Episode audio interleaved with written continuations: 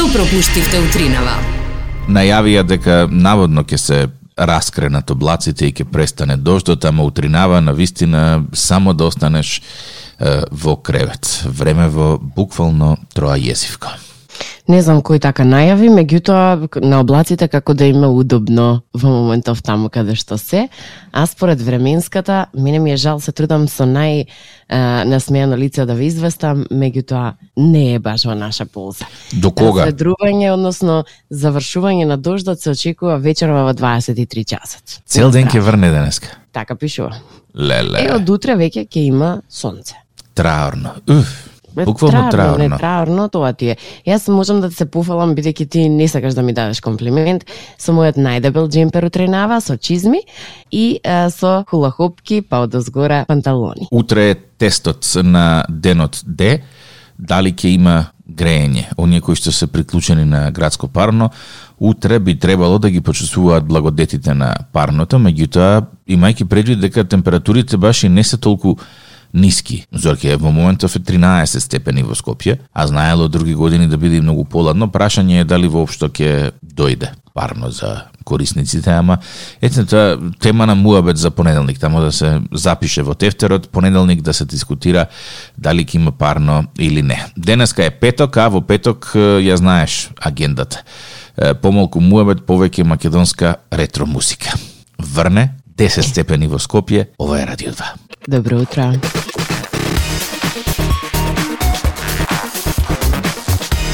Во Скопје, Зорке велат хаос со бездомните кучиња, а најчесто на територија на град Скопје гравитирале на општина Бутел. А таму најчесто се Да. Добро. Е, затоа што е, на територија на општина Бутел има гробишта, а народ на гробишта остава храна, па кучињата можат да си А. јадат кога сакаат и што сакаат. И се појавија некои фотографии каде што онака да ги гледаш кучињева низ гробишта, крвта во веник ќе ти се залети. Па не е баш најпријатно таа гледка, искрено. Не, не. Има многу се појавуваат во последно време, лајка ги е, лови, Меѓутоа не можат да, да речем да постасаат се тоа што има надвор да е, приберат и да вдомат. Е, јас сум фан на е, Facebook фан страницата на Лајка, од проста причина што е, од време на време даваат некој си неделен извештај за сработеното, односно колку кучиња се заловени, колку кучиња се кастрирани, колку кучиња се вдомени, односно се превземени од кај нив и така натаму и тоа беше многу интересно како податок и колку кучиња всушност се е, кастрирани, стерилизирани, вратени на првобитната локација. Прво да ти кажам, има недели кои што да ти ја мерак да ги видиш резултатите колку кучиња се вдомени и многу често гледам фотографии од луѓе кои што вдомуваат миленици баш од е, местова каде што ги чуваат, нели? Меѓутоа многу често бројката на вратени назад е голема вратени назад во кој смисол? Е, Ги Средени, зема, а, па пуштени назад на, на улица. вратени назад на улица затоа што немаат доволно легла да ги чуваат толку многу. Добро, јас Дали некогаш ќе ни се крене свеста во смисла да посвојуваме домашни животни, односно кучиња од стационар, искрено не знам. А, извини Зорки, ако не е марка, ако не е брендирано, ако нема докажано потекло, мислам дека е, Морам да ти ја раскажам оваа приказна и теми на сите што не слушаат утринава. Ајде. Имаме роднини кои што не живеат тука кај нас, туку живеат малку подалеку, односно во друга држава и е, знам дека чуваат две кучиња. Значи едното куче е на девојката која што си го имала во младоста пред да стапи во брак со дечково, а другото куче е на дечкото и кога се земале решиле бидејќи девојка во друго место, а многу поврзана со кучето, да се ги земат двете кучиња и да се живеат заедно со новодоедениот член, односно со детенцето кое што им беше на пат. Поминаа долги години, супер функционираа како такви, меѓутоа девојкава е голем поборник за правата на животните, многу често и донираат финансиски средства за да спасат нечи живот. Се случува нели и таму како и кај нас, е, удрило кола, куче, не знам, повредено, па искомплицирана работа и така натаму и така натаму. Добро. А, при еден од таков повик дека се потребни е, финансиски средства за е, одредено куче, девојкава решава дека ќе донира пари за да може да се спаси кучето, бидејќи кучето е бездомно куче кое што го знаат тука низ улиците. Добро. Кучето се века Пепи, ако не се лажам, не е ни важно. И Пепи оди на операција со парите кои што ги донира девојката, меѓутоа бидејќи Пепи е многу возрасен, од ветеринарната служба им велат дека едноставно Пепи во операцијата мора да биде згрижен и вдомен заради тоа што на улица не би преживел, му треба нега постоперативна mm -hmm. и му треба некој кој што ќе се грижи бидејќи задните екстремитети бил на а, да речам на на влакно да ги изгуби. Откако никој не се јава да го вдоми Пепи бидејќи Пепи е возрасно куче од 10 на 12 13 години и е машала големо. Машала. Девојкава и покрај двете кучиња решава да го намоли партнерот и да го приберат и Пепи дома за да има пристоен живот. Сакав да ти кажам, значи целава поента на приказнава ти ја кажам заради тоа што Пепи е едно куче до мојата половина. Леле, Пепи е куче кое што да, големо е, огромно е. И Пепи е куче кое што ако прв пат го видиш вака од страна да го видиш, реалноста е дека ќе ти се е, заледи крвта во жилите, значи изгледа многу страшно. Меѓутоа луѓе, значи тоа е едно куче, тоа не е куче, тоа е маче. Да? Овие маливе джавкала, мислиш дека ќе те изедат, ќе те раскинат на 300 парчиња. Пепи доаѓа елегантно. Значи, сакам да ти кажам дека е страшно многу свесен дека е посвоен и дека живее во благодет и го цени тоа што му е дадено. Страшно многу е послушен и ги извршува сите команди кои ќе му се наредат, да речеме влези внатре, дојди, легни таму и така натаму, што не е дресирано куче, туку е куче од улица. Јасно. И е, мислам дека има таква способност да те натера да го погали што ни едно друго куче до сега јас чувам куче и моето куче не знае така да се намести. А се знае што што раса или некоја мешанец? Не, не, мешани, мешавина. Меѓутоа сакам да ти кажам дека животните се многу свесни дека им помагаш и дека си ги прибрал и дека си им дал топол дом, за разлика од оние распредените што ги имаме дома. Ба, добро, тие домашните мислам дека ни ден нема да преживеат во дивина. Нема шанси. Знаеш што е многу интересно што еве го моето, јас правам споредба на Пепи и моето. Значи моето е незахвално. Од прв ден е живеено дома, односно во благодетите кои што сме му ги понудиле, и тој се пика и си тера по негово и така натаму. Ме разбираш, значи и вика и урла луѓе кои ќе дојат и се. Си го замислувам човече Пепи колку е приземен. То тоа е чудо. си викам, мене ми треба мрзлива куче како Пепи, ама Пепи не е мрзлив, туку е многу свесен е, и благодарен за тоа што му се случува. Ако Чисто... го имаш Пепи, ќе треба да го шеташ, Зорке. Не, добро, како и да е. Значи, Пепи Лиле, не, многу, многу е добра кучева.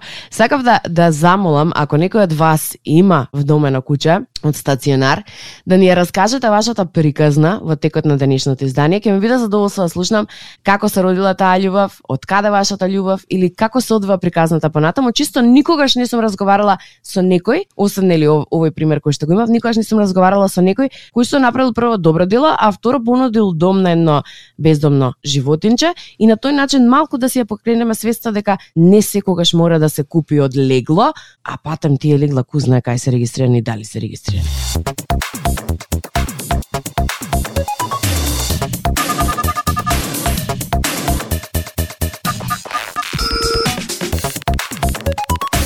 Звони, како си? Добро е, добро е, тик так е ве возам. И така, значи ве слушнав за темата ова за згрижување, вдомување на кучиња скитници. Mm -hmm. Така, јас сум, еве една приказна моја лична, mm -hmm. јас сум ловџија и, нели, по почетните години, 97-8 година, кога станав ловџија, mm -hmm. мој пријател беше зидар. Така тие на улица, нели, таму кај што работеле, мислам, на оваа куќа, нонстоп доаѓало кај нив едно кутре мало, секогаш кога ќе седнеле да ручат, знаеш, зидари, кога mm -hmm. зидари седнуваат тука, ручат и вика ќе дојде ќе му дадеме сите по нешто. Арно, ама тој пријателот го гледа кучето и си вика миличи на загар, нели? Ова mm -hmm. пилчар, како да ви објаснам. Да, да, Пилиња, нели? ловечко. Еревици за ова да, ловечко. Да, да. И му текнува на мене, вика ќе го земам, па ване, ако го зема, окей. Не. И го носи, а тие вака го ранеле некој десетина дена 15. Mm -hmm. И го носи, јас имав некои загари, нели? Викам, добро, вака беше мила фаца и викам, ке, ке го згрижам. Иако стоеше нечиста баш, нели, оваа раса за ова, mm -hmm. како изнелезена. Арно, ама, утрето кога стана веќе 8 месеци, значи јас се со тие вакцини, ветеринар, се што требаше му дадов, кога стана веќе 8 месеци, го вадиме по лов, нели, натака навак. Да не ви раскажувам во долго, значи, стана куче кое во околината немаше по попаметно, подобро, половно фактички. Мгм. Етенова и некои 3-4 години, значи доаѓа од кај мене дома од Сабајле, зна, веќе слушнаа за тоа колку е тоа способно, нели да. Ова и доаѓа буквално и ловџи кои што не беа во нашата група, само и само да го гледаат како тоа, нели, ги изведува сите тие работи. Мгм. Ке, нели, тепаме јаребици, тоа ти ги носи до рака, милозливо едно друго и така. Тоа значи, потоа го фати епилепсија, ветеринарите направија се, ама залудно беше. Посвојувајте. Што друго да ви кажам? Секогаш кога можете. А сега, колега, ја мислам ќе се сложиш да преминеме на малку поведри теми. А, со вакво време само ведра тема може да го врати Имам расположението. една страшна, ама таа ќе оставиме за подоцна од која пр- првенствено ќе се изнасмееме. Ем, случајно вчера, ем, копајки по некои информации, доаѓам до една статија од Reddit која што зборува за тоа што луѓето сметаат дека е подобро дури и од самиот секс. И мислев дека такво нешто нема да постои. А, има такви Меѓутоа- листи со години на назад не, се не мислев вртат. дека листа има направено па баш на оваа тема. Меѓутоа, мене одговорите искрено ме изненадија. Е, сега, јас ќе те замолам како добар колега, сето она што ќе го прочитам да го оценуваш од 1 до 5, дали сметаш или не сметаш дека е подобро. Еден е лошо, пет... Еден е лошо, да, 5 е одлично. Односно, се Добра. согласуваш, 3 е, хм, така, така. Одиме. Вели, ова е листа на, на работи, односно на одговори од луѓе кои што одговориле на истово прашање на Reddit. Откажување вели на плановите кои ги мразевте од самиот старт. Не, еден. Пет, верувам пет. Гушкање и милување со личност која ја сакате, мирот и чувството на среќа кои произлегуваат од тоа. Пет. Пет. Моментот кога сваќате дека личност со која сте е вистинската за вас и дека со неа можете да го минете животот без да ве лаже, изневерува и чувството дека ви е 100% лојална. Види, ова ти е како да јадеш бифтек во некоја земја во која што си како туриста. Еднаш се случува само и тоа е тоа. Така да, што знам, би го ставил ова некаде три. И јас три. Веројатноста да сватиш едно, а можноста дали тоа натака ќе биде така е сосема Сосема друга. Кога конечно ќе ви помине ужасната главоболка која што ве мачела во текот на целиот ден. Да. Седум. Од понудени пет. Смеење до солзи со пријателите. Оу, да, пет. Да, се согласувам. Број, оцена? Четири. А, добро. Топла бања со миризлива купка и свекички. Не баш. На 4, 3, така нешто. Чувството кога ќе легнете во кревет по долг и истрошувачки ден, десетка. Ајде уште еднаш кој е? Чувството кога ќе си легнеш во кревет по долг и истрошувачки ден, Да. Пет. 5. А, мигот кога чувствувате дека состојбата во животот ви е совршена, ја слушате омилената музика, ја јадете омилената храна и апсолутно немате за што да бидете загрижени во животот. Мене не, не ми се постои случило. такво нешто. Ама добро. Не постои такво нешто, посебно за тие постари од 18 години. Добро. А, друго, масажа на стапала по цел ден минат во стоење. М, не. Преби масажа на глава. На скалп. Да. Ау, да, тоа е осмица. Немаш појма колку опушта. Облекување, ма како немам појма секогаш кога одам на фарбање, на шишење, на фризирање, нешто барам масажа на скалп. А, со облекување на неудобните чевли по забава. Не знам дали си имал можност ова да го доживееш, ама ја мислам дека ова не е осмица, туку ова е 12. М, За жал, не се ставам во ситуација да носам неудобни чевли. Зашто долги години, да кажеме, сум бил предмет на некое исмејување, да кажеме. Меѓутоа, морам да ти кажам дека м, не. Преферирам обувката да биде удобна без оглед на тоа како изгледа. Е, јас не секогаш сум преферирала удоб, удобката обувката да биде удобна и можам да ти кажам дека после 2, 3, 5 часовно стоење на штикли се што сакаше едно две секунди само нозете да ти одморат и чувството кога ќе ги соблечеш не се опишува. Истото би можела да го кажам и со градник неудобен. Тоа да. Во иста категорија би ги ставил. Се а па тоа согласувам. да вика, па тоа да, па ти од кај знаеш. Имам уште две. Пиење чаша ледено, студена вода на пеколен летен ден. Да, иако научно докажано, тоа е најлошото нешто што може да го направиш за губење килажа. Два, три би рекла. Не се согласувам целосно. И е, чешкање по косата додека е, му или и лежите во скутот. Го прифаќам. Па три, ништо специјално. Врне. Врне и ќе врне во текот на целиот ден и имајте го во предвид тоа, едноставно понесете си чадор ако никаде излегувате. Имам едно прашање кое што сакам да ти го поставам јавно тебе и на сите оние кои што не слушаат со оглед дека може би ќе дојдеме до вистинскиот одговор, односно ме интересираат вашите прашања во врска со ова. А, свесен си дека скоро па ајде не 90%, ама некои 70% од фирмите имаат телефон за поплака. Да. Си се јавил некогаш, си имал таква потреба да го искористиш? Не, не, не, не. Јас, на пример, би сакал во полиција да има телефон за поплак. за полиција или во полиција? За Па полиција. Да се... Аха.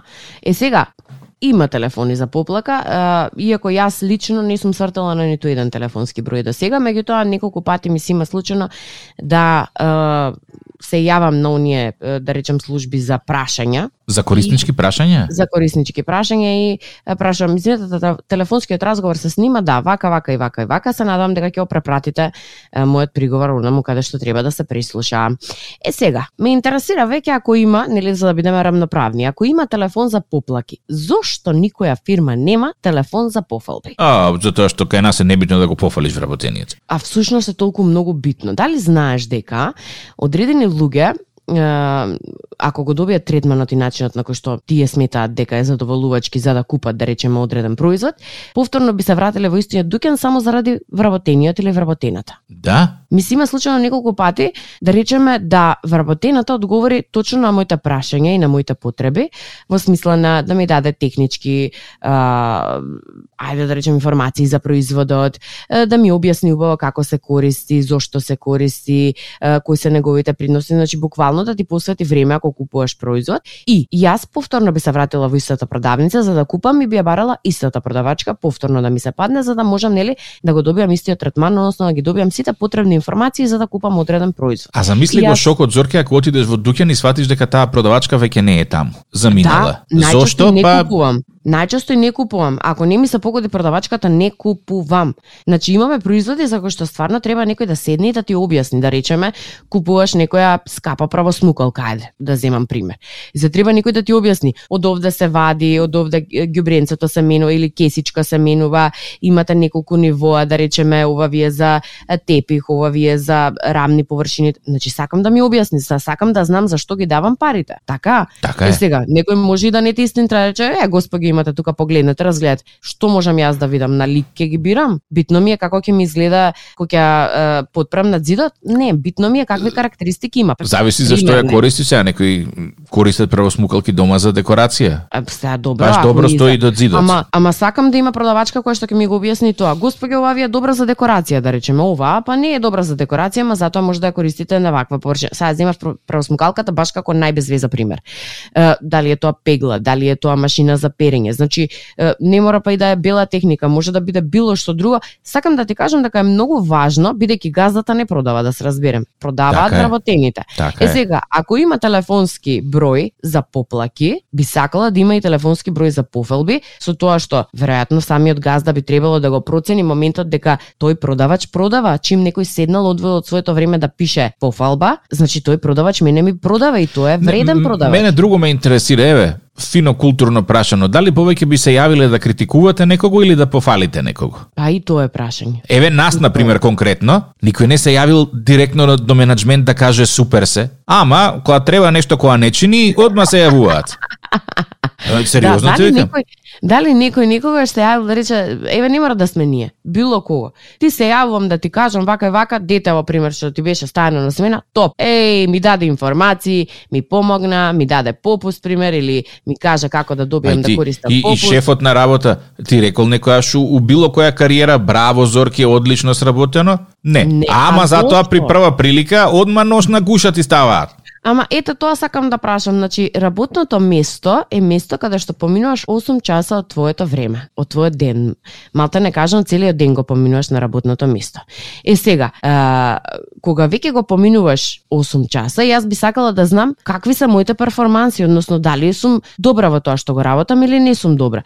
Нормално дека многу би помогнало доколку јас многу љубезно би се однесувала со некој, а, да речам, кој што дошол да купи и тоа истото му биде пренесено на мојот менаџер. И сега утре доаѓа менаџерот и кажа: "Ева, овој месец да речеме имавме толку поплаки за Зорка, имавме толку пофалби за Зорка, што значи дека треба во овој сегмент да се поправиш." А тоа така живееш, не оди. Па, Многу во светот на бајките? Па така некако.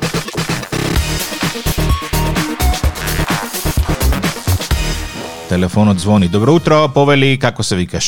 Билјана на телефон и моментално сум на работа. Многу интересна тема за ова поплаки пофалби. Повели. Mm -hmm. Никогаш не сум немала прилика да прочитам и поплака и да дам, ама би дала во секој случај. А пофалби уше поике. Уше поике. Работам во продажба веќе долги години и секош ме фалиле мушчери на збор на збор, ама на газда никош не ме пофалиле. Кузнај кај ми беше крајот до сега. а во секој случај можам да кажам не му идат во прилог на газдите. Така? Така е. Зато нема за пофалби, зашто ќе би плата да зголеме работно место да те клаат на повисоко ниво, така да ќе си тапкаме во место тоа за пофалби, зато го нема ти нема да го имат ми се чини никогаш, по моје мислење. Супер сте, екстра сте, е сега ќе го набавам бројот на менаджерот да ме пофалам.